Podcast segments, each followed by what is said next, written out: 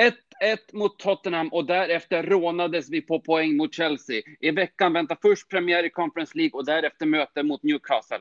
Det har även blivit dags att summera fönstret. Men vi börjar med lördagens match. Vad säger du Peter? Ja, men det måste gå snabbt eftersom de spelar på söndagen. Nej, de spelar på lördag. Fel av mig. Fel av mig. De spelar på lördag. De skulle spela på söndag.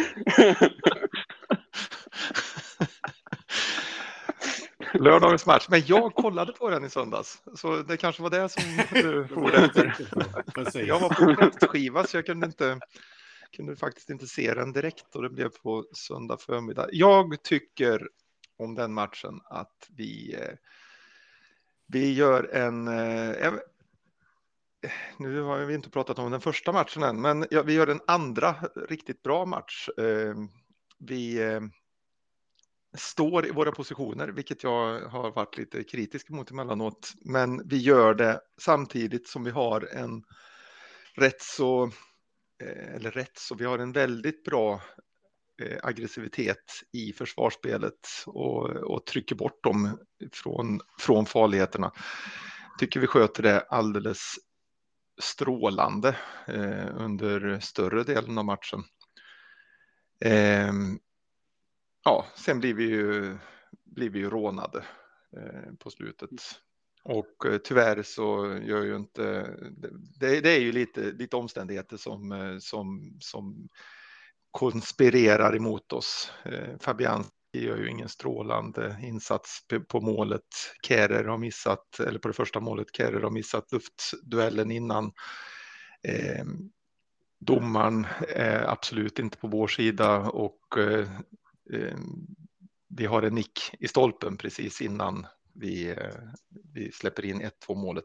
Ja, Chelsea ska vara jäkligt glada för den här segern och vi ska vara rätt missnöjda, men ändå hoppfulla inför fortsättningen. Mm. Ja, som du är inne på, rent spelmässigt var det fall, klart fall framåt både här och mot Tottenham, så att det finns ändå mycket positivt att ta med oss. Vad säger du Ruffe? Jag är inne på samma spår. Jag tycker att i bägge de här matcherna så ser vi ut betydligt mer som det laget vi var förra året när vi spelade bra och inte satte fullt fokus bara på eh, eh, Europa League. Så att det känns som att vi är på väg eh, på rätt håll och det är flera av spelarna som jag också tycker snäppar upp. Sosek gjorde ju två bra matcher de, de två sista. Nu har jag skällt på honom rejält här, men han han var mer tillbaka till sitt rätta jag. Eh, jag tycker Boen tar steg också i rätt riktning. Nu är han ju åtminstone har lite målchanser och inblandad framför mål och det är, det är snarare oflyt som gör att han ett mål eller en, en, en passning här. Så jag tycker vi är på rätt håll. Sen, sen den här jävla VAR-situationen. Jag, jag, jag, kan fortfarande säga att jag när jag såg det var, tyckte att den var vit eller svart. Jag tyckte det fanns en viss gråskala i det. Sen har man ju läst hundra inlägg och artiklar om det här och tittat på det hundra gånger till och jag faller ju mer och mer åt, åt det svarta och vita. Eh, och jag tyckte ju fortfarande att det inte var någonting, men jag kände väldigt tidigt när, när han blev utkallad att det här kommer han att och, och döma, döma bort. Men eh, grejen är ju att eh, det är ju först, första gången jag någonsin ser, jag vet inte hur många VAR-situationer vi har haft i Premier League som, som jag har sett under tiden som det här systemet har funnits. Och eh, i helgen var väl första gången, dessutom på lördagsmatchen klockan eh, samtidigt som vi spelade, första gången som en domare inte tar det beslut som, eh, som VAR-rummet mm. säger åt honom Ja. Eh, och, det var inte, Michael och det var inte i vår match. Nej, eh, Michael Oliver gör det. alltså, det är bara fjantigt att, att vi överhuvudtaget har det systemet. Men där, där, ja. där fanns det ett litet hopp då, att han... Ja. Jag ska inte säga att, att jag är säker på att det är första gången, men det är oerhört ovanligt. Och, och det, är ju, det är ju det som är hela problematiken med, med VAR. Och jag, jag var... Jag var pro-VAR när det kom eh, förra säsongen. Jag trodde att det skulle rätta till saker, men men efter den senaste tiden så har jag ju svängt och är på, på din sida, Peter. Sen, sen tror jag ju aldrig att de kommer att plocka bort VAR, utan det gäller ju att hamna rätt. Och som ni bägge vet så, så, skrev, skrev ju Henry Winter på The Times vad jag tyckte var en fantastisk artikel idag om hur man ska rätta till det här med VAR. Och det intressantaste i den, förutom hans fem förslag hur man kommer till rätta med det, är ju faktiskt att man agerar helt olika i Premier League jämfört med hur man agerar i Uefa. Där idag i Premier League så har vi ju minst en VAR-situation, om inte två, tre, fyra i varje match. Medan man i senaste EM hade i, i snitt en VAR-situation på 2,83 matcher. Och, och, och, för mig är det exakt detta som är problemet, att, att VAR-domaren ska gå in och peta i detaljer som inte han överhuvudtaget behöver peta i för att det är inte en, en, en obvious uh, mistake eller, eller error. Utan, och för mig var faktiskt inte West Ham det värsta fallet. Jag har inte sett Newcastle-situationen, men jag vet inte om ni såg matchen eh, Brighton mot Leicester. Jo. Där, där han, Ale, Alexis McAllister. McAllister skjuter in ett av de snyggaste målen man har sett på år och dag. Och ingen protesterar. Ingen Leicester-spelare protesterar. Alla tycker det är ett fantastiskt mål. Och så kommer vardomaren och säger att jag tyckte att i situationen innan var en spelare inblandad som inte ens rörde bollen och han var ju två centimeter offside. Och så dömer man bort målet. Det tyckte jag var oerhört pinsamt. Uh, ännu värre än West Ham-situationen. Och, och, och det är precis där vi har problematiken. Låt dem sköta sitt jobb. Och du sa tidigt Peter, har man inte löst det på 60 sekunder så är det domarens beslut som står. Henry Winter skriver 90 sekunder. Ja, och det kan vara en diskussion om det. Men, men, men det, här är, det här är, just nu så är det här oerhört pinsamt. Och, och en av de absolut största grejerna som jag fortfarande pratar om.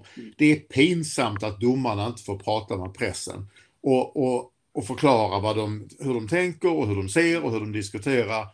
Att komma så långt att vi får höra vad de och varummet pratar om live, det är ju det är ju mil ifrån det, men de måste ju åtminstone få, få ge sin förklaring efteråt.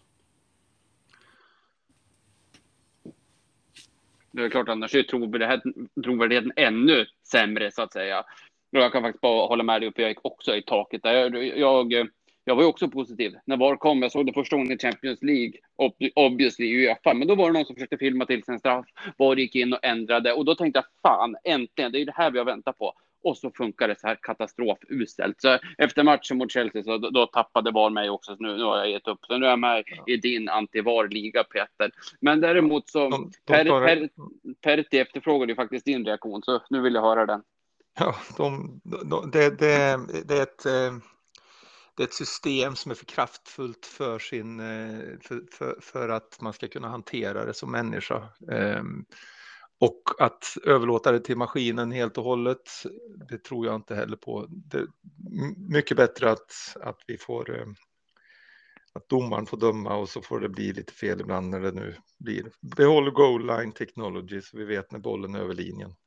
Även om de misslyckades även med den i helgen med Huddersfield Blackpool för att det just då inte fungerade när Huddersfield gjorde 1-1 och de bestämde sig efteråt att nej men vi kunde inte hjälpa att det inte fungerade just då och domarna inte såg det så låter resultatet stå kvar.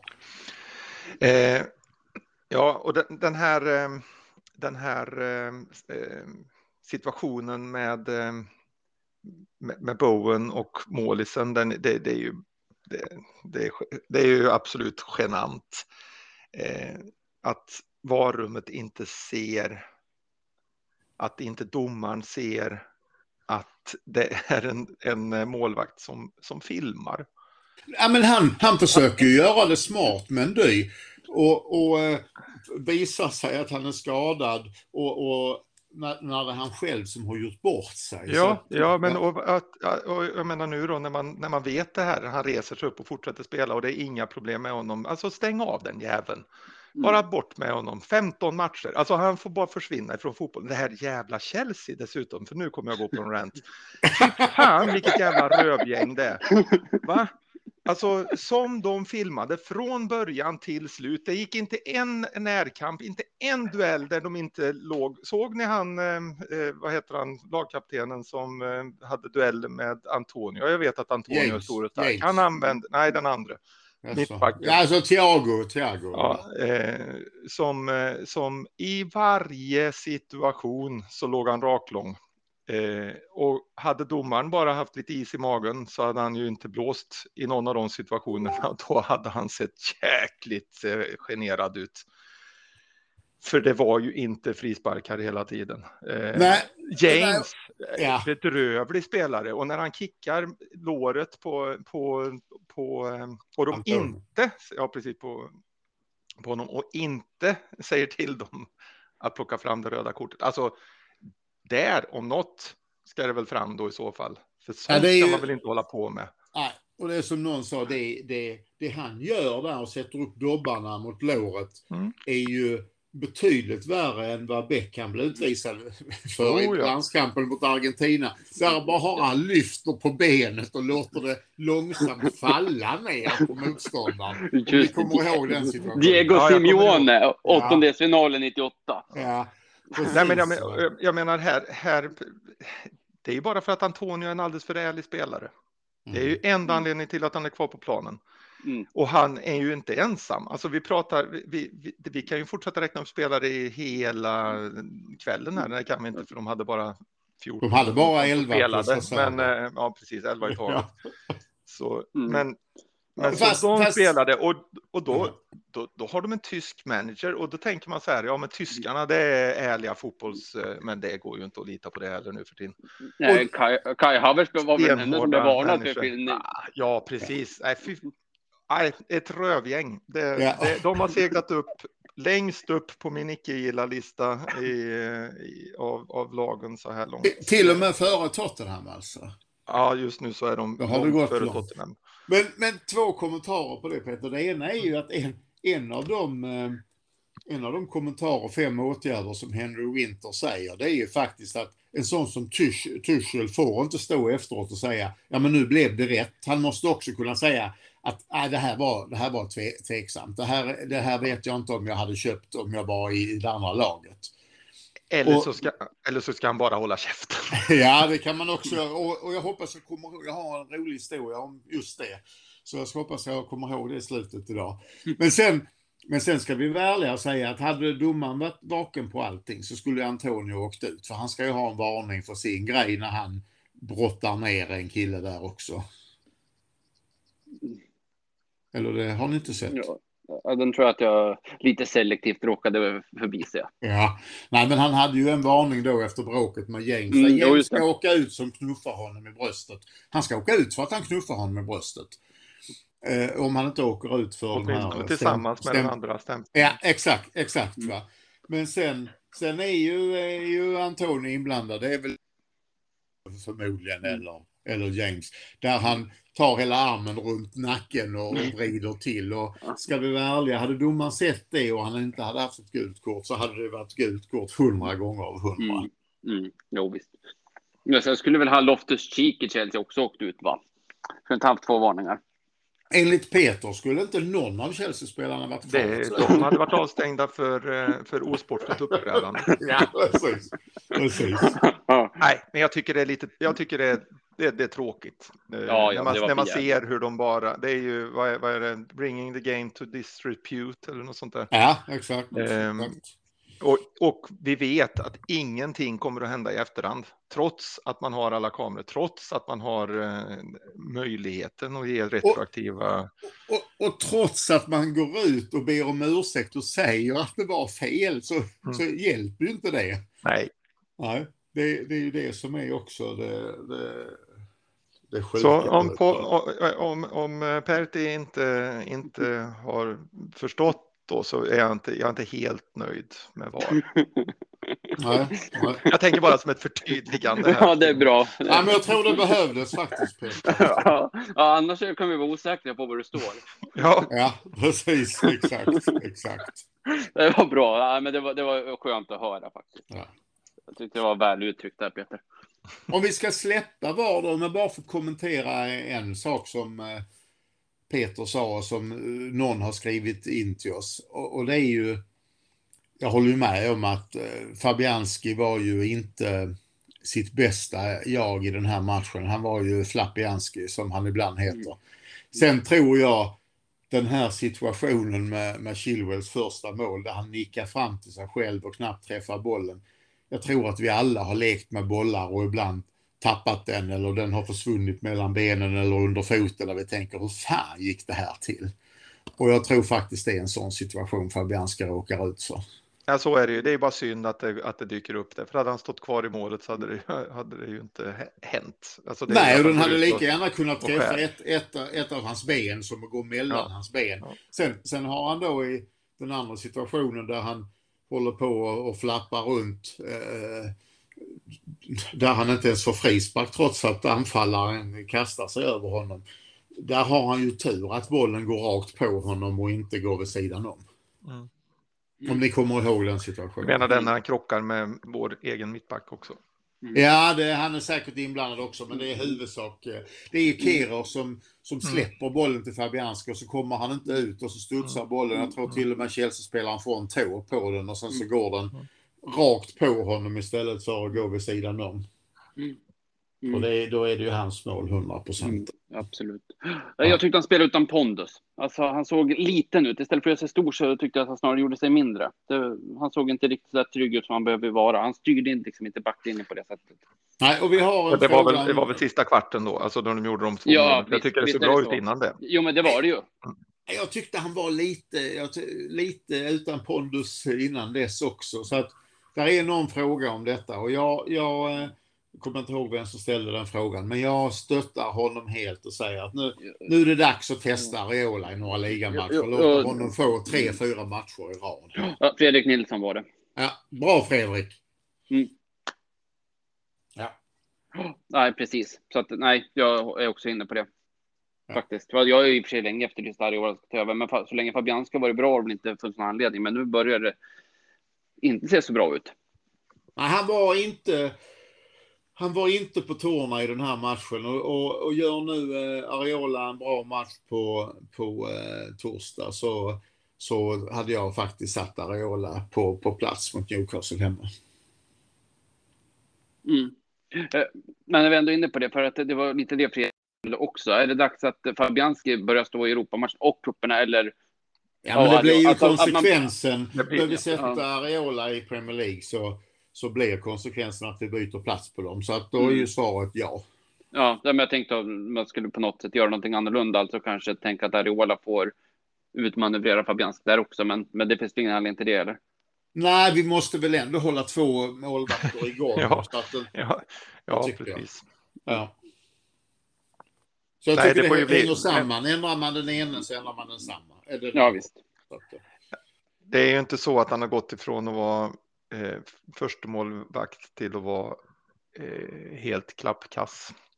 Utan det, det, handlar ju om att den, den andra ska vara bättre. Ja, Just ja. Och sen ja. så pratar vi om 60 matcher på säsongen kanske, om vi ja. går lite bra i kupperna och sådär. Mm. Ja. ja, och sen så man ska vi inte avhyvla Fabianski riktigt än. Han har ju varit bra under sin period hos oss, så att eh, det, alla oh, ja. kan ha en dålig dag så att säga, så att förhoppningsvis så vänder det där också. Men, men i alla fall är det dags att ge Ariola chansen tycker jag. Ja, och vi har ju sagt flera gånger att, att Fabianski måste spela sig ur situationen. Det, det är väldigt svårt att för Ariola träna sig in och peta honom även, och även om man gör bra cupmatcher. Utan Fabianski måste visa mm. sig eh, osäker och göra lite misstag. Ja, men så är det ju. Mm. Har du något mer att säga om Chelsea-matchen? Ska vi gå in och prata lite om matchen mot Tottenham? Ja, det kan vi göra. Tottenham, den matchen tyckte jag var eh, nu, blir de ju lite i fel ordning här då, men eh, de, där tog vi ju verkligen med oss den sista kvarten från, eh, från eh, matchen innan, eh, där, vi, där vi spelade bra och tog med oss eh, nu, nu gjorde vi väl kanske inte den superbästa första halvleken, men det, det, det, var en match där vi, vi låg rätt och vi kom in bra i, i matchen och vi växte efterhand och när eh, matchen var slut så var ju så var ju vi de som skulle ha vunnit den. Ja, och det, det är helt, helt rätt. Och som min gode vän Jörgen Persson säger, han såg ju på, tydligt på matchningen. Det var ju, var ju Moj som matchade för att vinna matchen medan Conte inte var alls intresserad av det. Sen, sen har vi ju återigen hamnat, och då pratar vi både Tottenham och Chelsea, hamnat i läge att vi är ett av de lagen som gör har mest stolp och ribbträffar i hela Europa helt plötsligt. Va? Det, är ju, det är ju fan också att inte Antonios skott går in eller att uh, Cornés nick inte går in. Mm. Um, och vi har Ben Ramas två där i, i ribban mot, mot Nottingham. Så att jag, jag tycker ju längre matchen lider i andra halvlek, ju mer visar vi att vi vill vinna och utmana mer och mer och mer. Mm. Mm. Absolut. Och jag måste säga vilket jävla fint mål också. Alltså först så fall snabb uppfattning vid inkastarna mm. kastade in och så den här fina vinkeln av Antonio och så Zuzek snabba mottagning och avslut. Det var otroligt fint mål. Ja, det var det. Det var det. Och jag tyckte det var ett fantastiskt eh, spännande inhopp vi fick se av Paketa i den matchen. Eh, där visade det att det fanns det finns lite att hoppas på där. Mm. Men, men ska vi utnyttja hans kvaliteter så behöver vi möta andra lagen än topplagen så att vi faktiskt har lite boll och kan styra spelet. För han, han, han får inte göra den impacten han kan när, när vi går så lågt och han bara får kämpa och inte får chansen att använda sina offensiva positiva så, kvaliteter. Så, så, var det ju i matchen mot Chelsea, men i matchen mot ja. Tottenham så, så eh, var vi ju på eh, framfot, framåtlutade och eh, rätt så bra med matchen när han, när han hoppade in och då såg man ju verkligen vilka kvaliteter han har. Ja, och hade inte bara han... Emerson sprungit i vägen för honom så hade han ju satt 2-1 där också. Precis, precis. Och eh, det som var det positiva i den andra matchen var ju att trots att det inte riktigt fungerar eller trots att vi inte får det spelet så gör ju han fortfarande en helgjuten insats även när han får jobba, om man säger, när han får det var ju inte så att han var helt borta och absolut osynlig som många andra eh, spelare av den modellen brukar vara, utan alltså som försvinner då när man. Han växlade ju spelsätt och började jobba som en. Som en grovjobbare. Ja, abs absolut. Och det var imponerande. ja, men det är nog bra om vi om vi någon av de närmaste matcherna har lite boll och ja, och eh, jobba framåt. Annars undrar han nog vad det är för lag han har hamnat i. Om vi bara ska stå i våra defensiva positioner och hoppas på. Oh ja. Oh ja. Ja. Mm. mm. Ja, just den biten borde det väl finnas gott hopp för i, i veckan som kommer. Eller den nuvarande veckan ska jag säga. Eh, ja. Mot uh, ny, ny gamla Steaua Bukarest och sen Newcastle på, uh, mm på söndag. Fast jag, jag har respekt för Newcastle för då kommer vi hamna i samma, samma läge som vi gjorde här mot Tottenham. Att, att det blir någon slags eh, runkshow. Kulusevski har bollen och då kommer det vara Alexander Isak istället. Man måste ändå ha någon typ av eh, balans i vad man tycker om spelarna oavsett om de är svenska eller inte. Ja, naturligtvis. Sen så har jag också respekt för Newcastle som ett lag. Alltså jag tycker att det har gjort det där bra. Men med det sagt, vi bör ju i alla fall ha mer av bollen än vad vi hade mot Chelsea. Ja, och sen Max Manuel ska tydligen vara tillbaka, men jag hoppas att vi har och den, Det är en otäck jävel. Det är, han är vass. Ja, och de, de, de, är ju snarare ett lag som vi. De, de har inga problem att vi har bollen och att de kontrar med Isak och, och San Maximan och och Almeron och någon till alltså. Nej, och det är det som gör dem så besvärliga. Ja, precis. Det, det är liksom lite jobbigt att de är fine med samma matchbild. Så att där blir ju första målet extremt viktigt. Japp, exakt. Ja, då hamnar vi snabbt på den matchen. Det är inte, säga, inte så mycket att säga om den nygamla Steaua Bukarest. Eller har ni någon koll på det laget?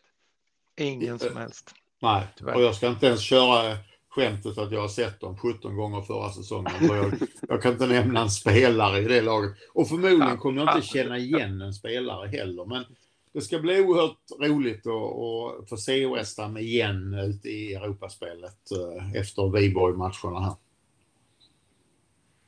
Verkligen. Det är otroligt trevligt att vi lyckades nå Europaspel även i år. Ja. Ja, nej, och det är ju såklart det är ju match vi ska vinna, så enkelt är det ju. Ja. Även om det är som du brukar säga, för att eh, bara för att inte vi vet vilka det är behöver det inte betyda att, att, att inte spelaren är bra. Men med det sagt, alltså, det är klart att vi ska vara bättre än dem. Vi har ju ett resultat idag med eh, Dinamo Zagreb som vi slog 2-0 borta förra säsongen som slog Chelsea med 1-0 ikväll här. Mm, den såg jag inte komma. Nej, verkligen inte. Och sen även om vi förlorade mot Zagreb hemma. Men då hade vi ju en massa ungdomar i laget också. Så att, och ett drömmål i första eller andra minuten. Men, men eh, nej, det här, de, de kan ju spela fotboll. Det är inte så att det är första gången de är ute på en fotbollsplan. Så att vi måste göra jobbet och vi måste sätta tillräckligt bra lag på, på banan. Så enkelt är det. Vad glad jag blev av att höra att Chelsea fick stryk. Ditt nya hatlag. Ja, precis. Ja, nej, men det är klart att det är klart att vi att, att vi måste behandla varje motståndare med respekt. Men det gjorde vi ju förra året också. Det var ju först när vi var klara för avancemanget eh, som som vi ställde ett lite mindre rutinerat lag på planen och i, i år till skillnad från från förra året så har vi ju faktiskt en trupp som Mois har byggt. Så eh, min förhoppning är ju att, att, han, eh, att han har fler spelare som man vågar lita på och som också visar, att, visar honom och oss att man kan lita på dem. Ja, eh, så att han kan växla några spelare och ändå ha ett bra lag på plan. Mm, exakt, exakt. Det är spelare som kan göra skillnad på ett annat mm. sätt än vad vi hade i fjol. Ja, verkligen. Framförallt spännande att se en sån som Corné, om han får mer speltid, vad han kan göra. Han har ju sett pigg ut, han har kommit in. Ben Rama har ju haft en väldigt pigg start på säsongen, så att det finns mycket kvalitet där som vi mm. Och behöver. Paketa behöver spela för att få, för att, för att få eh, lära känna sina lagkamrater och, och så vidare. Mm. Så att... Mm. Och en sån, en sån spelare som, som Paketa, som jag tror han ska uttalas då, eh, eh, behöver ju lära sig hur hans, hans medspelare springer och vilka löpningar de tar. Det är ju det som nyckeln till hans mm. passningar. Mm. Ja. ja, men precis. Det blir intressant att se vad, vad som kan hända där. Precis. Yes, och nu så har slutligen fönstret stängt också, så att det är väl dags att summera lite. Vad säger ni? Är det något annat att säga än att det har varit ett jättebra fönster? Vi kom ju in i det med en, en from förhoppning om eh, att de var de fem som hade gått, som vi hade släppt, som hade spelat. Eh, eller något sånt där. Det var ju eh, ja, Fredrik Snowball, Kral, Jarbolenko, Ariola, Martin var det ju som hade försvunnit från början, att de fem skulle ersättas av vad sa vi, sju, åtta? Sa vi ja, väl, att vi hade som vi inte trodde på. Det trodde vi inte på. Eh, vi släppte ett par till. Vi släppte Diop, Lasic, Masuaku, eh, som jag väl i ärlighetens namn inte hade så stort intresse av att behålla heller egentligen. Alltså Masuaku kändes ju som ett, eh, när, när man fick reda på att han gick så kände man ju bara att ja, egentligen behöver han ju inte ersättas ens. Eh, det behövde ju naturligtvis, vi behövde ju ha någon på vänsterkanten, men vi fick in åtta och vi släppte åtta. Eh, det innebär ju att truppen är ju inte större än vad den var när vi gick in i säsongen. Vi har en extra målis eh, jämfört, eller vad säger en mindre målvakt jämfört med förra året eftersom vi plockade upp den ifrån juniorleden. Det innebär ju att det är en utespelare mer då än vad, det, än vad vi fick in. Det är ju positivt, men den stora biten tänker jag är att var och en av de här killarna som har kommit in är bättre och kommer att spela mer än de killarna som de ersätter. Eh, jag menar, Ariola ersätter sig själv. Aguerd ersätter och Bonna på sikt. Kärer ersätter Diop. Emerson ersätter Masuaku. Downs ersätter Kral som ju knappt spelade någonting. Så det oavsett hur mycket eller lite Downs spelar framöver så har han ju spelat lika mycket som Kral har gjort hittills eller redan nu. Paketa uppgraderar Lanzini. Corné ersätter Jarmolenko. Skamacka ersätter Allaire. Det var tre säsonger sedan Allaire försvann, typ. Ehm, så det är klart, vi har gjort en uppgradering på truppen. Har vi gjort en uppgradering på startelvan? Ja, på några positioner i alla fall.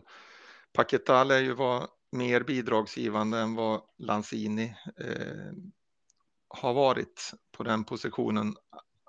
Aguerd var ju tänkt att komma in och, och ersätta Dawson i för, förra årets uppställning som en ren vänster innerback.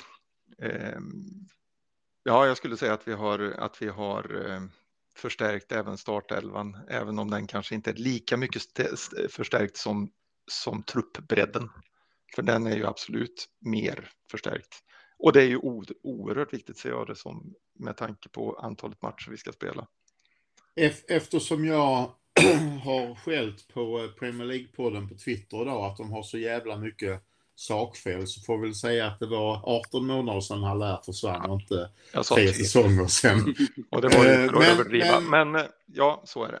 Ja, men, men i, 100% rätt. Vi har ju skapat en oerhört mycket större kvalitet och inte kvantitet som vi gjorde när Bilic höll på och vi flyttade till London Stadium.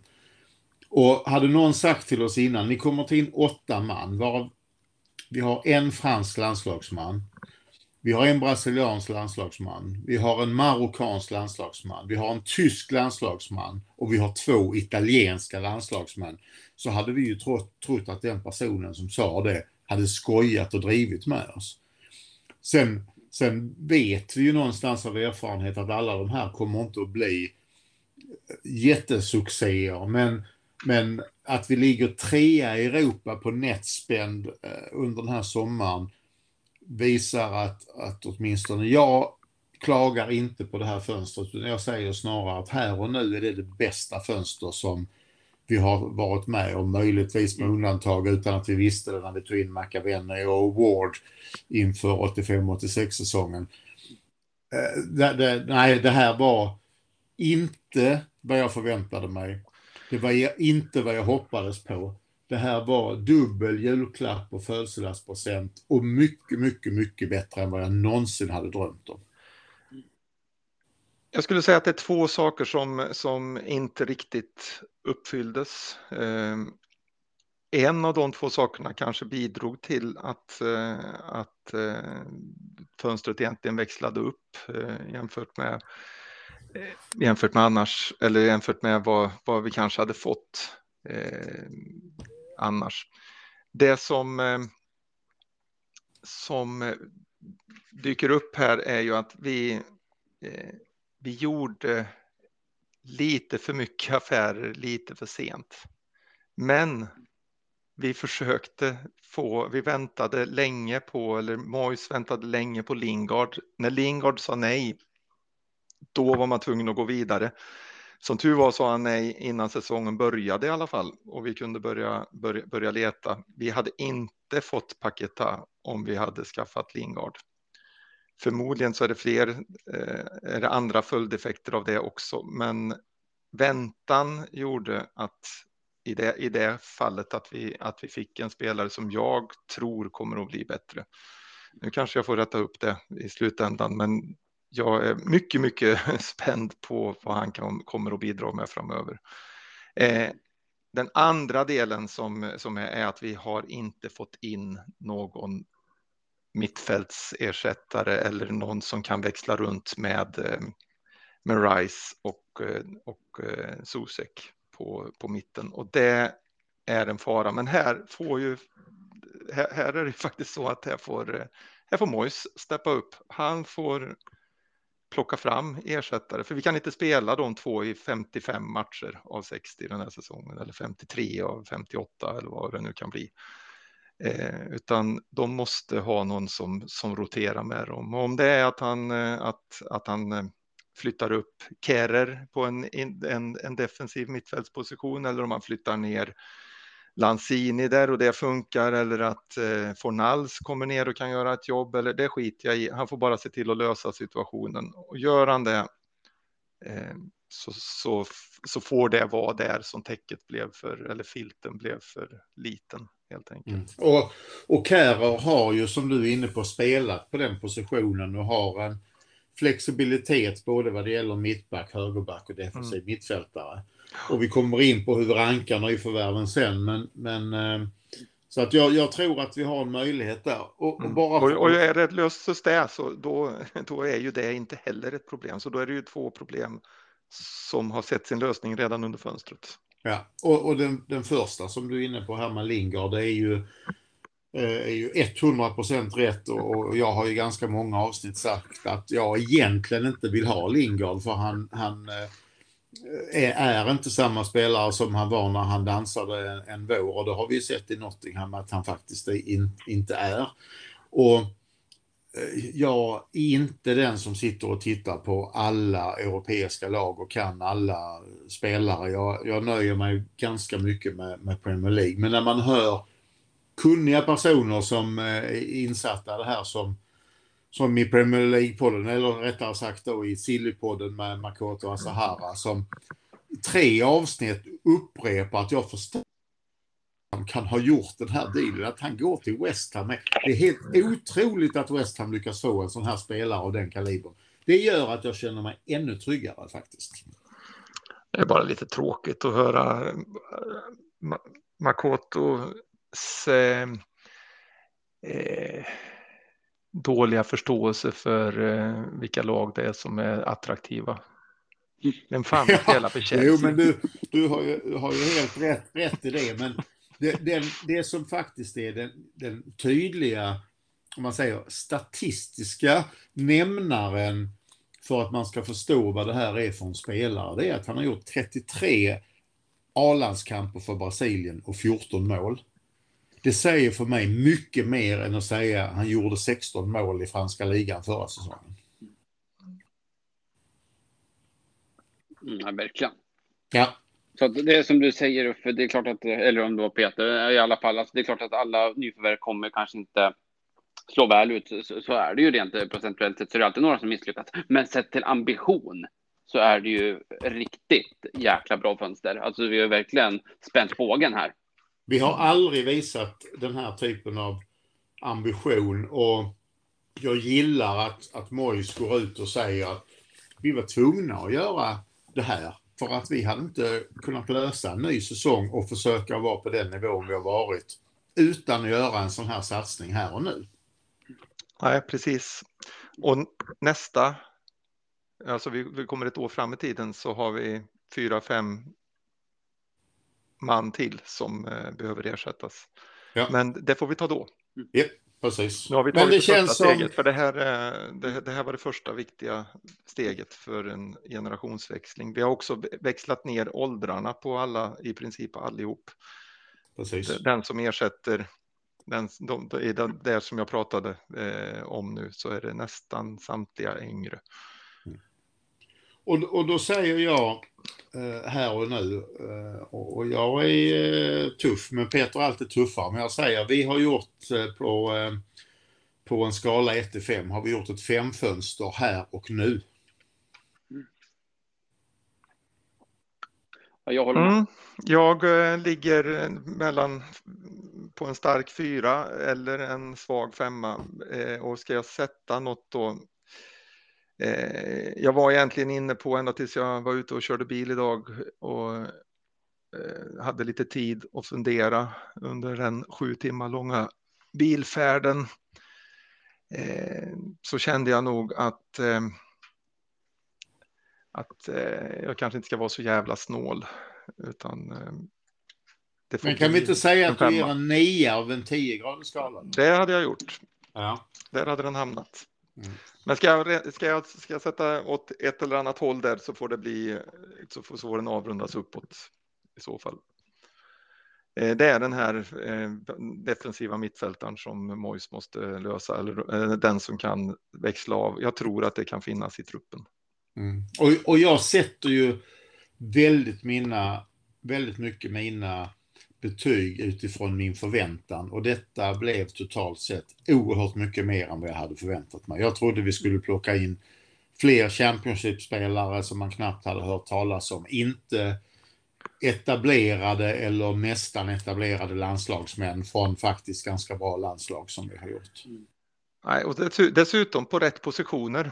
Mm. Eh, för det har ju inte heller varit bortskämda med att vi har, att vi har satt Eh, vi har ofta varit ute efter en vänsterback så har vi köpt en högerback och sen så har det varit eh, har vi behövt en defensiv mittfältare så har det blivit en vänsterytter och eller en, for, en, en toppforward så har det blivit en högerytter. Alltså, vi har ofta eh, köpt spelare men lite grann utan en plan och det känns inte som att vi inte haft en plan nu.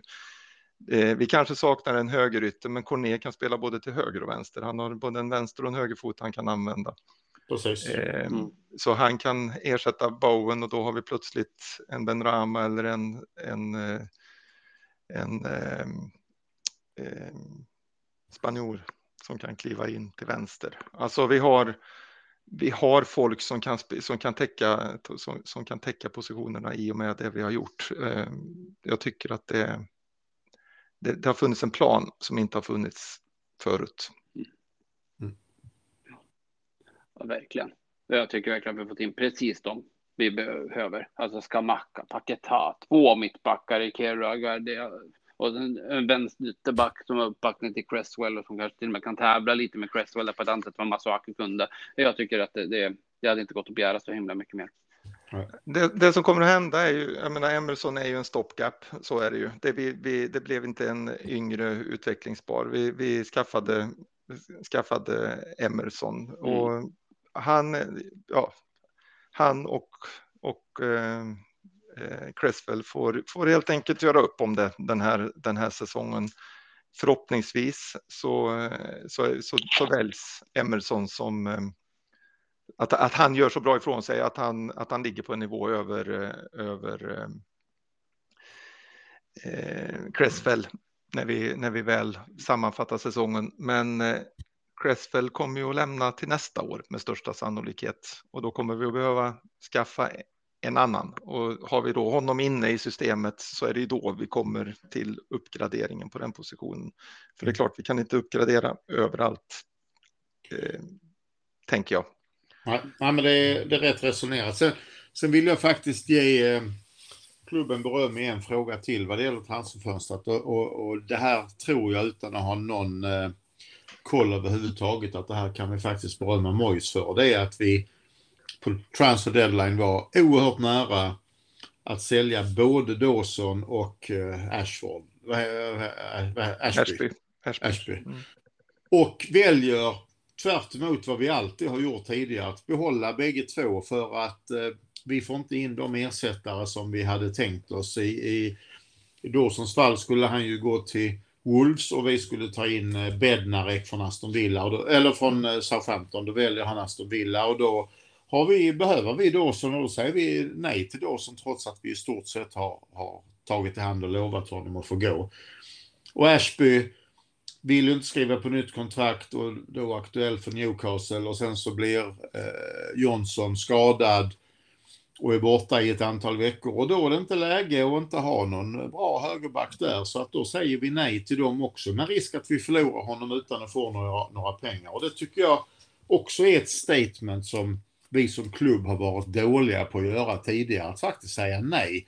Även till, både till pengar men även till spelare där vi, där vi nästan har sagt ja tidigare.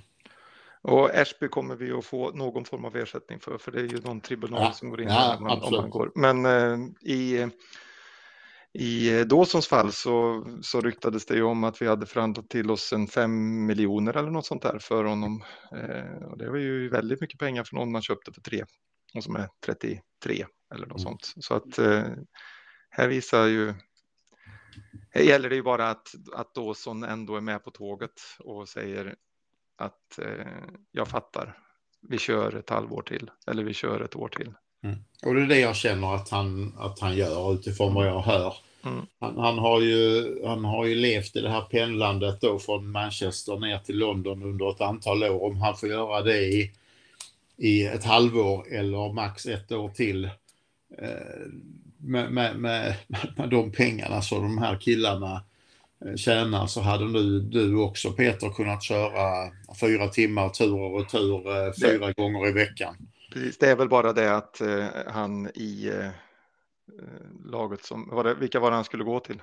Eh, Wolves. Wolves, ja. Alltså där kanske han hade fått ett nytt treårskontrakt på en likadan lön som han har idag. Om man väntar ett år så kanske han inte är riktigt lika intressant. Ja. Det, jag förstår ju om man, om man känner så. Sen vet inte jag riktigt om det är så att han har problem i sin familjesituation som gör att han eh, att han känner att nu får det vara nog eh, för, eftersom det har gått bra då i, som du säger, fyra år innan. Ja. Eh, det, det, har jag inte riktigt koll på, men jag hoppas att, eh, att han mår bra i det här och att eh, vi får se en Dawson som kommer in när han behövs och gör den skillnad han har gjort hittills när han har Precis. behövts. Ja, men det är, jag, jag tycker som sagt att det, det, är bra, det är ett bra statement av klubben att visa det här. Ja, visst är det det. Vi hade någon fråga där om ja. ranking. Ska vi Stämmer ta bra. det nu? Ja, precis. Det var Per Engqvist som undrade vilka värvningar vi är mest nöjda med och så vill han gärna ha topp tre från var och en av oss. Mm. Ska jag börja då? Kör. Mm. Och då, då väljer jag att eftersom jag inte har sett Aguerd en enda sekund så väljer jag att plocka ur versionen för att det är, det, det är fel att bara sitta och gissa. Mm. Och um, Eh, Eh, då kommer jag överraska och säga att den jag tror kommer att göra störst skillnad är eh, Kerer. Jag, jag har varit, han har gjort ett självmål och orsakat en straff på några få matcher, men jag, jag är oerhört imponerad av honom. Jag gillar de här. Han har slagit några långa svepande passningar som har gjort att vi i stort sett har blivit fria. Så Kerer sätter jag som nummer ett. Um, och sen så kör jag en Peter och säger att jag har två på delad andra plats och det är Paquetin, där jag inte är helt övertygad om hur han kommer att passa in i Premier League. Men jag är också väldigt imponerad av eh, Cornet och tror att han kommer att spela betydligt mer än vad vi har fått se från honom eh, här framåt. Han, han gör skillnad när han kommer in. Och eftersom det var tre så har jag ingen trea utan det är, det är de tre som är mina tre. Ja, din tur då. Jaha, ska, ska jag köra nu? Ja, mm. ja men jag tänkte lite som, som Uffe gällande Aguerd. Så att eh, jag, jag, jag, jag, tog också med Kerr faktiskt, men först som nummer tre. Så att jag tänker att han blir, jag rankar honom som den tredje viktigaste värvningen. Och som två har jag Lucas Paqueta. Jag tror mycket på honom. Och sen som etta har jag vår italienska striker, Scamacca som jag tror kommer kunna göra både viktiga mål och assist. Så att, eh, och jag har saknat en striker så länge nu, så att det, det är mina tre. Ja, jag väljer hela backlinjen som vi värvade. Nej, det gör jag inte. Men jag tycker att det var bra. Det var bra, eh, bra av vår eh, kära ledning, för det behövdes. Eh, på, var frågan på sikt eller, eller för den här säsongen? Ja, det var bara idag. Ja, vilken som är viktigast idag. ja. Nej, men det måste väl vara totalt, både denna säsongen och Ja, jag tänker att frågan är frisk ja. tolkad. Vem, vem är nu? Ja, men alltså vem tror, vem tror du kommer Trea, vara Ja, precis. Trea Ariola. En, en eh, mm. ersättare till Fabianski och som ger trygghet där bak. Jag eh, ser det som oerhört värdefullt på, på lång sikt. Eh, jag gillar också Kärer. Eh, jag gillar hans mångsidighet. Jag har aldrig sett honom innan, men jag gillar. Eh, jag hade en liknelse mellan honom och och eh, eh, han eh, Gabidon som var en stor favorit när han var hos oss, åtminstone hans första säsong innan han blev skadad, eller första två säsonger kanske det var. Eh, och jag är svag för spelartypen som Paketa eh, representerar. Så där har vi mina tre baserat på det jag har, det lilla jag har sett hittills. Mm. Men vem nämnde du tre? Ja, Ariola, Kere. Ja, Ariola, helt rätt, helt rätt, helt rätt. Ja, ja. Eh, sen, sen, sen, tror, sen tror jag att Kerer är den av de här, så han kommer ju inte att ha en egen position riktigt för att jag tror inte att han han kommer att kunna, och det är ju, då är det ju hans mångsidighet som ska vara det som, som lyfter honom eh, in i den här viktigheten. Mm. Mm. Eller så. Eh, vad tror ni om, om, vad har vi för möjligheter med positionerna nu då? Eller positioner med uppställningarna nu då? Mm. För som jag ser det så har vi fortfarande inte de här wingbacksen. Så fembackslinjen ser jag inte riktigt eh, än. Jag vet ju att, jag vet ju att, eh, att Mois har använt sig av det innan, men jag tycker inte vi har någon högerback till exempel som kan vara wingback. Eh, och den halvleken vi såg eh, vi såg Emerson så briljerade han ju inte direkt som Winbeck på vänsterkanten. Och han har ju dessutom sagt att ja, jag kan spela där, men det kanske inte är det mm. bästa jag vet. Eh, däremot så ser jag att vi skulle kunna växla mellan en, en 4-2-3-1 och en 4-3-3. En Liverpool, eh, så som Liverpool spelar. Mm. Eh. Jag, jag, tycker du har en poäng. Eh, skulle vi köra fembackslinje så får vi eh, skohorna in Emerson och sen eh, Sofall. Eh, och så får Kera spela mm. till, till höger där. Men problemet med Sofall är ju att han kan ju inte slå inlägg. Det borde han stå och träna hela dagarna på tycker mm. jag. Eh, så jag tycker du har en poäng. Jag håller med dig om att vi faktiskt kan, när det passar sig, spela en betydligt offensivare uppställning också. Mm. Ja, verkligen. Vi fick ju faktiskt en fråga på det från eh, Johan Gustafsson. Han undrar helt enkelt vilken är er startelva när alla är friska? Och det blir väl lagom att spinna vidare på ditt resonemang där Peter. Mm. Ja, jag har två då. Har du två startelvor? Två startelvor. Jag har en 4-2-3-1 eller en, en 4-3-3 och en 4-2-3-1. Eh, beroende på motstånd då. Och eh, det är samma backlinje båda eftersom vi pratar fyrbackslinje. Jag skulle köra. Jag skulle köra Ariola i mål. Jag skulle köra Kerrer till höger. Emerson till vänster, Zuma och Aguerd i mitten tänker jag utifrån att alla skulle vara friska. Eh, jag eh, kör Sosek Rice på som tvåan och Bowen, Paketa och Corné. Och jag sätter Antonio som eh, forward. Eller så har jag 4-3-3 uppställningen och då blir det Susek, Rice och Paketa på mitten och sen så kör jag Bowen, Skamacka, Kone på, på den eh, trean, den offensiva trean. Intressanta är att du har Corné med i bägge, men han var inte med bland dina tre bästa nyförvärv. Mm, ja, men eh, ja. Mm. både Ariola, Kerer och Paketa är med i båda ja, eh, precis. alternativen. Mm.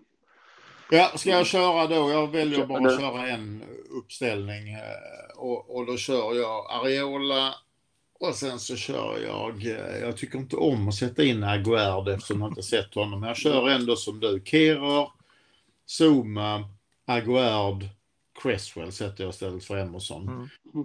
Zuzek och Rice. Sen kör jag Bowen, Paketa, Ben Rama och Antonio. Mm. Intressant att Corné inte är med.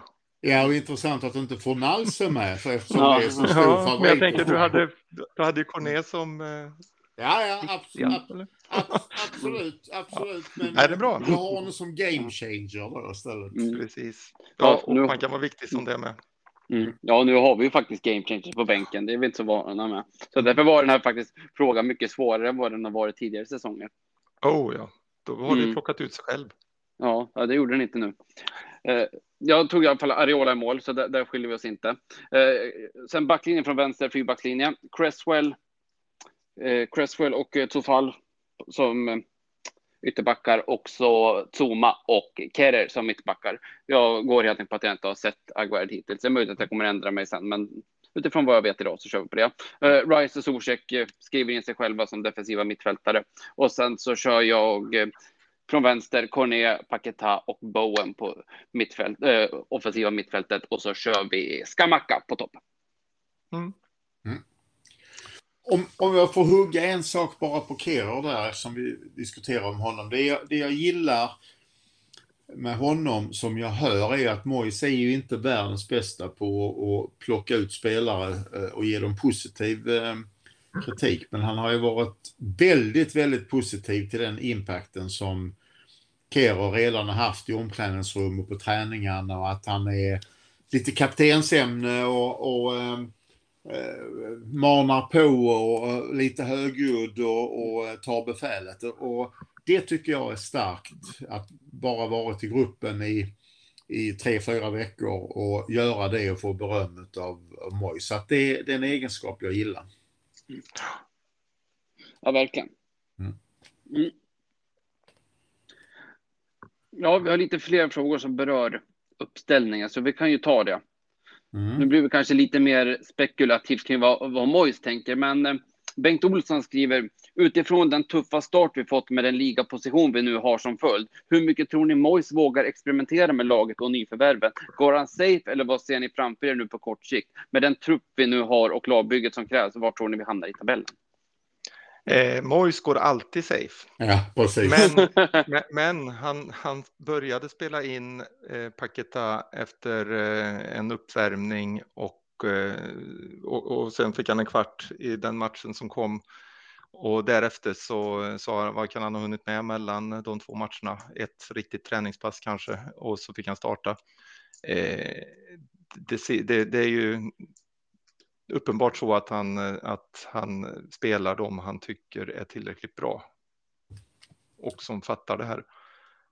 Så måste det ju vara, annars så hade han ju inte fått, fått spela. Jag kan inte tolka det på något annat sätt. Eh, sen är det de som får chansen snabbare eh, och chansen långsammare. Eh, jag hoppas ju också att Corné kommer in till exempel och får göra någon match här från start och kan eh, sätta någon påse så att han kan eh, komma igång på riktigt. Eh, men jag tror att, eh, att skillnaden mellan tidigare säsonger och den här säsongen är att Mois nu har en trupp där han litar på fler spelare. Och därför kommer vi också få se fler spelare spela och vi kommer att få se fler byten tidigare. Håller med helt och hållet i det du säger Peter då kan jag ta andra delen av, av eh, Bengts fråga här och det är var jag tror att vi hamnar utifrån eh, de här förutsättningarna. Jag har ju tippat West Ham, om jag kommer ihåg rätt, åtta eller nio i ligan. Och när jag gjorde det så kände jag att jag egentligen nog hade velat sätta dem någon position längre ner. Det är inte detta året vi ska ta klivet och behålla sjätte, sjunde platsen utan det kommer först nästa år. Så att här och nu så skulle jag nog tippa West Ham typ 11, 12, någonting sånt. Mm. Ja, jag vill vara lite mer positiv så att jag säger, jag säger att vi, blir, vi löser det och blir åtminstone topp 10 i slutet.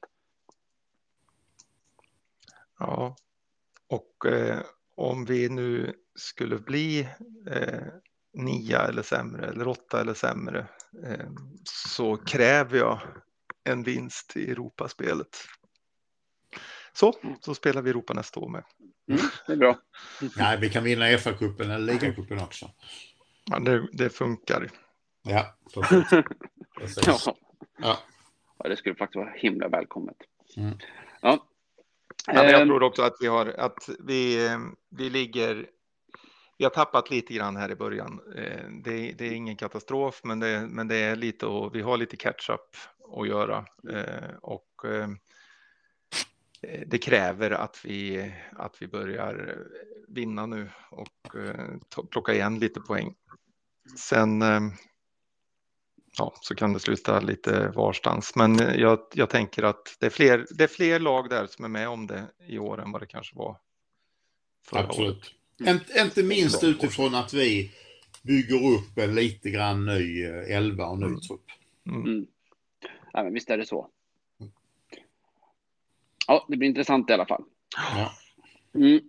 Ja, vi kan spinna vidare lite på, på Mois. Här har Anders Elleman som skriver, tror ni att Mois kommer att ha mer varierande taktikspelstil nu med flera nyförvärv som har andra kvaliteter? Att kanske ha mer bollinnehav när vi möter vissa lag, där Paketa får ha mycket boll med ett mer offensivt balanserat lag. Sen när vi möter Liverpool City och några av de andra topplagen att spela Mois defensivt. Och sen så med, säger han även att han inte kan förstå varför Corné har fått så lite speltid. Han har varit bra när han kommit in, rört sig rätt och hållit sig framme och höll på att göra mål. Elleman är ju, en, är ju en frågeställare som jag gillar. Han är ju med nästan varje vecka. Jag tycker ju att han egentligen har fått rätt mycket svar på det här. Peter svarade på, på det här med omställningar, eller skillnaderna i uppställning beroende på motstånd och, och, och det håller jag ju med om. Så svaret på den frågan Anders är ja. Och sen håller jag också med om att vi inte har fått sett Corné mer är eh, lite överraskande men också Mois som spelar safe och han kommer att spela på torsdag från start så att vi kommer att få se honom mer helt enkelt. Mm. Ja, jag, all, alla de här nyförvärven som vi har skaffat, allihop om man tittar på, jag, jag tror urskiljningslöst eh, utan att, nej, vi ska inte säga att det är urskiljningslöst, men de allra, allra flesta av de här nyförvärven har ju, om man tittar på statistik från deras tidigare säsonger, väldigt mycket bättre boll. Eh, alltså en, en passningsförmåga som, som vi inte kanske har sett hos våra spelare innan. Och det man hör och läser från de andra spelarna när, när de pratar om det, eh, om hur man ska spela den här säsongen, så, så hör man ju att, eh, att planen är att ha mer boll än vad vi har haft förut. Och det kräver ju att vi inte slår bort den så fort vi tar den naturligtvis. Och det är ju det vi får med bättre passningsspelare. Så att jag tänker att eh, ja, vi, eh, vi kommer att ha en mer varierad spelstil. Mer boll. I mm. alla fall när vi, när vi möter lag som tillåter. Och bättre när vi möter sådana lag. För han, måste ju också, ha, han måste också ha sett att eh, vi förra året eh, inte, in, inte kunde spela mot de lag som backade hem. Ja, precis. Ja, och det, därav att det har hänt saker i fönstret också. Så att, mm. ja, det känns lovande. Eh, sen har vi Pertti Villan, han hade en fråga till utöver VAR och det var vår åsikt om att inom citationstecken modiga Mois tog in Ogbonna vid 1-1. Pertti svor högljutt hemma. Ja, där gick vi ner på fembackslinjen då. Jag kan förstå Pert, Pertis kommentar samtidigt som jag även kan förstå om Mojs syfte var att värdera den eh, poängen vi hade och eh, försöka behålla den. Och hade vi kommit hem med oavgjort med både tot, mot både Tottenham och Chelsea så känner jag att vi hade gjort två bra London-derbyn. Och det är möjligt att det var så han kände det. Jag har läst kommentarer på nätet som har tolkat det tvärt emot vad Pertti och jag gjorde, att det snarare var för att trycka wingbacks uppåt och försöka vara mer offensiva. Eh, så att, vi, gjorde, vi, vi, gjorde ju ett och hade ett i stolpen eh, ja. efter att det bytet gjordes. Precis, vi... men sen är det Ogbonna som inte hänger med Havertz mm. där. Så att mm. det är lite det klassiska. Det är lätt i efterhand att säga. Och, men nu, nu, var han ju förbannad redan när det skedde och jag var nog snarare eh, om inte glad så snarare för, förstående för bytet. Mm. Jo, och det, det, är väl väl uttryckt. Sen så, och Bona var väl inte riktigt i matchform. Det var väl. Det har han ju sagt också, Mois, att, eh, att Ogbonna är kanske en månad ifrån fortfarande. Eh, så det är ju tufft vågat att sätta in honom eh, men han kommer ju inte i matchform ifall han inte får komma in lite då och då. Han men det känns spelar att... ju mot Viborg spelar han väl hela matchen. Men, det, men det kändes inte som att han pratade matchform då, utan att han pratade, vi har stressat tillbaka honom betydligt snabbare än vad han skulle behöva, än vad som är, är rätt och riktigt eh, egentligen och eh, han är egentligen en månad bort. Eh, alltså tydligt jag... har jag inte läst det, men, men jag tyckte han var bra mot Viborg och skötte det bra. Så att jag var inte orolig ur en, ur en, uh, ur en uh, matchspelsperspektiv när han kommer in. Han ska spela, vadå, en kvart, tio minuter. Så att det var mer formationen som, som jag tror Pertte var ute efter här. Mm. Ja, precis. Tog in en back istället för att gå lite mer offensivt. Mm.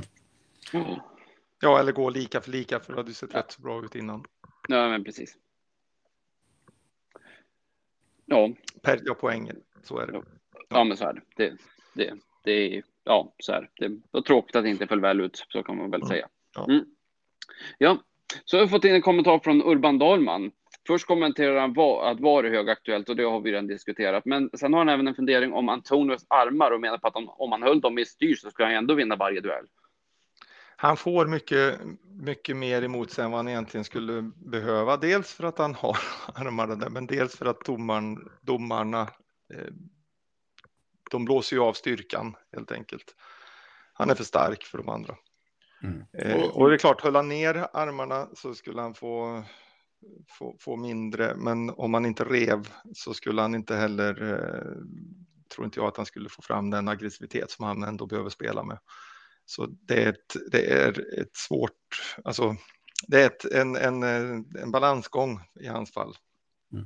Och det finns ingen som springer i maxkapacitet i världen som inte rör på armarna och det finns ingen som hoppar så högt man kan utan att armarna åker upp utan det, det, är, det är en naturlig rörelse samtidigt som han de han möter är ju hyfsat snabba också så det är klart att han behöver visa sin styrka inte bara med axeln utan det är, har de armen runt honom behöver han också freda sig så att eh, Precis, det är det- jag menar, att han borde, Ja. han borde bli friad emellanåt. För det, Ja, absolut. Ja, men det är precis som, det är lite precis som när vi hade Andy Carroll som fick en massa frispark. Så jag inte förstod varför han fick de frisparkarna bara för att han var, var längre och, och, och starkare i luften än vad motståndarna var. Ja, nej, precis. Så, så är det ju. Så att, eh, ja. Kan ta det lite lugnare ibland, men samtidigt, han måste också vara den här power machine. Ja. Ja, nu så har vi kommit fram till en fråga som faktiskt kom in redan för en månad sedan och det är Vilgot Gunnarsson. Han eh, vill att vi gör ett tips som är återkommande mot slutet. Bästa målskytt, assistmakare, årets flopp, årets oväntade stjärna, årets bäste, årets nyförvärv. Kan vi ta dem en i taget? Ja, det tycker jag. Ja. Vad Så säger kan du först då? Årets målskytt? Ja, bästa målskytt. Ja, Bowen kommer igång. Han Bowen. slutar säsongen som eh, bästa målskytt. Jag säger samma sak. Bowen. Ja, jag säger Skamacka. Gött. Mm. Passningskung då? Eller Det blir assistmakare? Det blir Paketa. Han Ja. måste komma igång. Alltså det där, det där jag, jag, han måste Ja. bara leverera. Vi, vi kan inte ha ytterligare en eh, rekordvärvning som inte levererar. Så han har tryck på sina axlar. Ja, då säger jag Paketa också. Jag var på väg att säga Ben Rama, men då säger jag Paketa. Ja, det var faktiskt tråkigt att jag gör om med. Mm.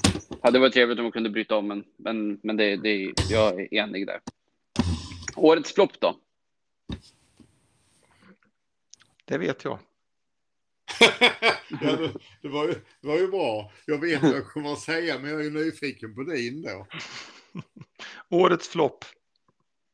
Det är samma som förra året. Var.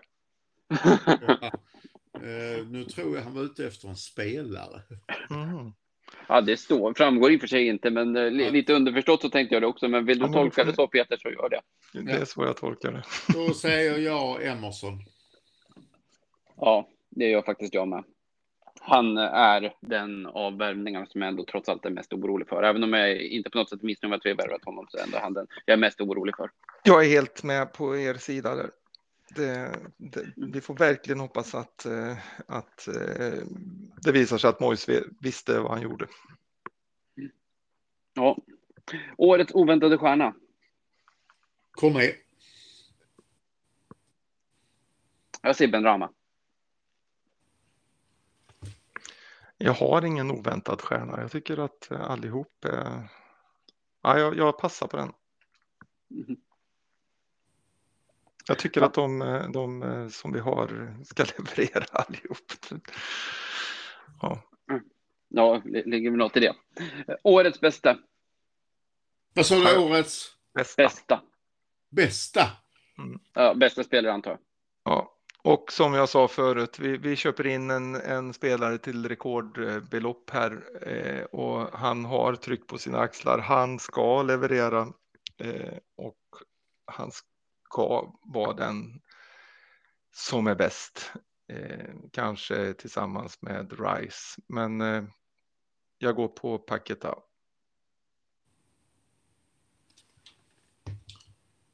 Och då har jag sett honom i en match och en kvart. Nej, det har jag inte gjort. En match, för han blev utbytt med en kvart kvar i den andra. Och då, ehm, då eh, säger jag årets bästa är att West Ham vinner Uefa Conference League. Det mm. är mycket bättre än Paketa. Mm. Ja, det vore ju fantastiskt. Men för det så krävs det också en sak till, så att jag säger att årets bästa det blir Declan Rice i år igen. Ja. Han kommer steppa upp. Bra. Ja. Mm. Och så årets nyförvärv. Ja, det är packet här då får vi säga. Jag Peter har ju annat. redan tvingat in oss i en hörna. Ja, han måste leverera. Alltså, jag, det, det, det, är bara, det är bara att gå på logiken i det här fallet. Ja, jag känner ingen press. Nej, men, nej, precis. Men det är så. Vi har, det, det får inte gå fel en gång till. Nej, nej men visst är det så. Så. får inte mm. misslyckas. För det, är, det är för dåligt. Om det, då blir det tredje gången i rad. Mm. Eh. Ja, nej. Nej, så är det. Du har helt rätt. Mm. Ja, jag har ju redan sagt eh, Skamacka där, så jag får stå fast vid det. Ja. Och han får gärna leverera också. Mm. Det gör inget. Nej, men jag tänkte vore schysst att ha en riktig jäkla skyttekung nu. Varför inte? Mm. Yes, så. Ja, vi kan avrunda frågestunden med det med en kommentar från Henrik Hultman som vill att vi promotar stundande medlemsresan. Ja, det ska bli kul. Då, då, då, eh, gör vi ju det. Vi är ju eh, eh, runt tio personer som åker nu om en månad ganska exakt. Och eh, ska ha oerhört roligt tillsammans och eh, det är ju flera stycken eh, här som aldrig har varit med, flera stycken som vi aldrig har träffat. Så att, och för en gångs skull så bor vi nästan allihopa på samma hotell också. Så att det här ska bli fruktansvärt roligt och vi ska ro, ro ihop eh, eh, vi tre bland annat en, en riktigt trevlig helg och det som är allra roligast är att allihopa från styrelsen är med. Skitkul faktiskt. Det ska bli, det var länge sedan nu så det, det är dags. Ja, verkligen. Ja. Verkligen. Ja. ja, jag hade varit med på en medlemsresa förut. Jag har inte varit på plats på, på tre år nu så att jag ser otroligt mycket fram emot det här. Det ska bli så otroligt kul att få träffa andra West Ham supportrar och er och aj, det ska bli så fantastiskt roligt så det kommer att bli en magisk helg.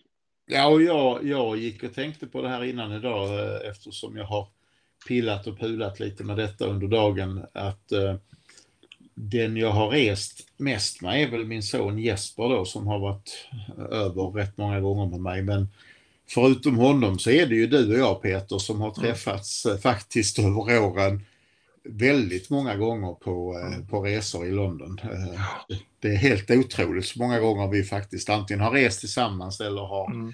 planerat ihop och träffats där och, och träffats av slumpen eller någonting sånt här. Japp. Ja, det ska bli, ja, precis. Ja. Mm. Och det ska bli väldigt, väldigt roligt att göra det igen. Ja, precis. Ja, det ska bli fantastiskt roligt. Så hoppas jag att vi tar med oss tre poäng hem också. Det måste vi göra. Ja, men det är alldeles givet. Mm. Yes. Har vi något att tillägga när vi rundar av veckans ja. avsnitt? Jag har två saker idag. Ja, varsågod. Den ena är att eh, utifrån eh, West Hams då eh, trea i netspend i Europa och alla pengar vi har lagt ut på de här fantastiska nyförvärven som vi har nämnt så har vi blivit uppsatta på Uefas Financial Fair Play Watchlist. Vi är ett av de 20 lag, cirka 20 lag som de kommer att hålla koll på och se ifall vi verkligen klarar av Financial Fair Play. Det kommer inte vara några problem detta året men det kan påverka eh, våra eh, nyförvärv kontra försäljningar eh, i vinter och nästa sommar. Det tror jag kom som en överraskning för er faktiskt. Ja, ja inte så den kom. Ja. ja jag, jag visste om det. Men, ja, du gjorde det. Ja, ja. ja. ja men utifrån värvningarna så låter hur mycket vi har spenderat låter det ändå rimligt. Ja. Och vi har säkert lagt på hyfsade med... löner till de här killarna också. Mm. Eh, den andra grejen är en sån här liten rolig sak som jag tycker om att berätta. Jag eh, gick i skogen en dag och lyssnade på en intervju med eh, Kevin Keen. Eh, och för de som då inte vet vem Kevin Keen var så var han ju en, framförallt en vänsterspringare för oss i slutet på 90-talet, äh, slutet på 80-talet och början på 90-talet. En oerhört sympatisk man och duktig fotbollsspelare. Och eh, som sen flyttade vidare till Wolves och Stoke och sen blev tränare och kommit tillbaka till oss och är U18-tränare idag. Där Precis, har varit hos oss i två perioder. Precis, exakt. Eh, och eh, U18-laget har vunnit bägge sina matcher och leder serien just, just nu. De har till och med hunnit spela en match till sen jag, de gjorde den här intervjun. Så att det här är en riktig eh, West Ham through and through. Ehm, och ehm, det jag tyckte var väldigt roligt är ju att han tre gånger under sin karriär hos West Ham har varit caretaker manager under en eller flera matcher. Och mittengången eh, av de här tre, det var ju när eh, Avran Grant fick sparken. Och ehm, då var det ju väldigt mycket rykten om att eh, Gianfranco, Gianfranco Sola skulle komma in. Och han hade fått mycket noga instruktioner då, Kevin Keen, att, att du får inte nämna Sola överhuvudtaget när du gör den här efter matchintervjun. Och han hade fått order både från styrelsen, ägarna, eh, marknadsavdelningen, allihopa hade sagt till dem, du får inte nämna Gianfranco Sola. Och då stod ju eh, eh han intervju med BBC och det var eh, Jonathan Pears, tror jag att han trodde det var, en klassisk West Ham-supporter som var journalist. Och han ställde ju frågor om hur matchen var och hit och dit och som sista fråga så säger han då det ryktas mycket om att eh, Gianfranco Sola är på väg in. Vad säger du om det? Och då säger Kevin Keen rätt in i kameran. Det är ju inte live utan det ska ju spelas upp under Match of the Day senare. Då säger han, om jag säger fuck, kant, wanker and shithole, då kommer ni inte spela upp denna frågan. Så det är mitt svar på den frågan. Och mycket riktigt så spelar de inte upp den här frågan då eh, på, på kvällens Match of the Day. Men Kevin Kane berättade att han har träffat Jonathan Pierce eh, något år senare som sa att, att när de har julfest på BBC och de kör årets bloopers, då kommer den här upp och visas varje gång. Det tycker jag är en liten kul sak. Ja, det och det är ju lite mediaträning då för alla som kan riskera att hamna i den här situationen ifall ni får en fråga ni inte vill svara på. Men, men tänk på att det kan vara live.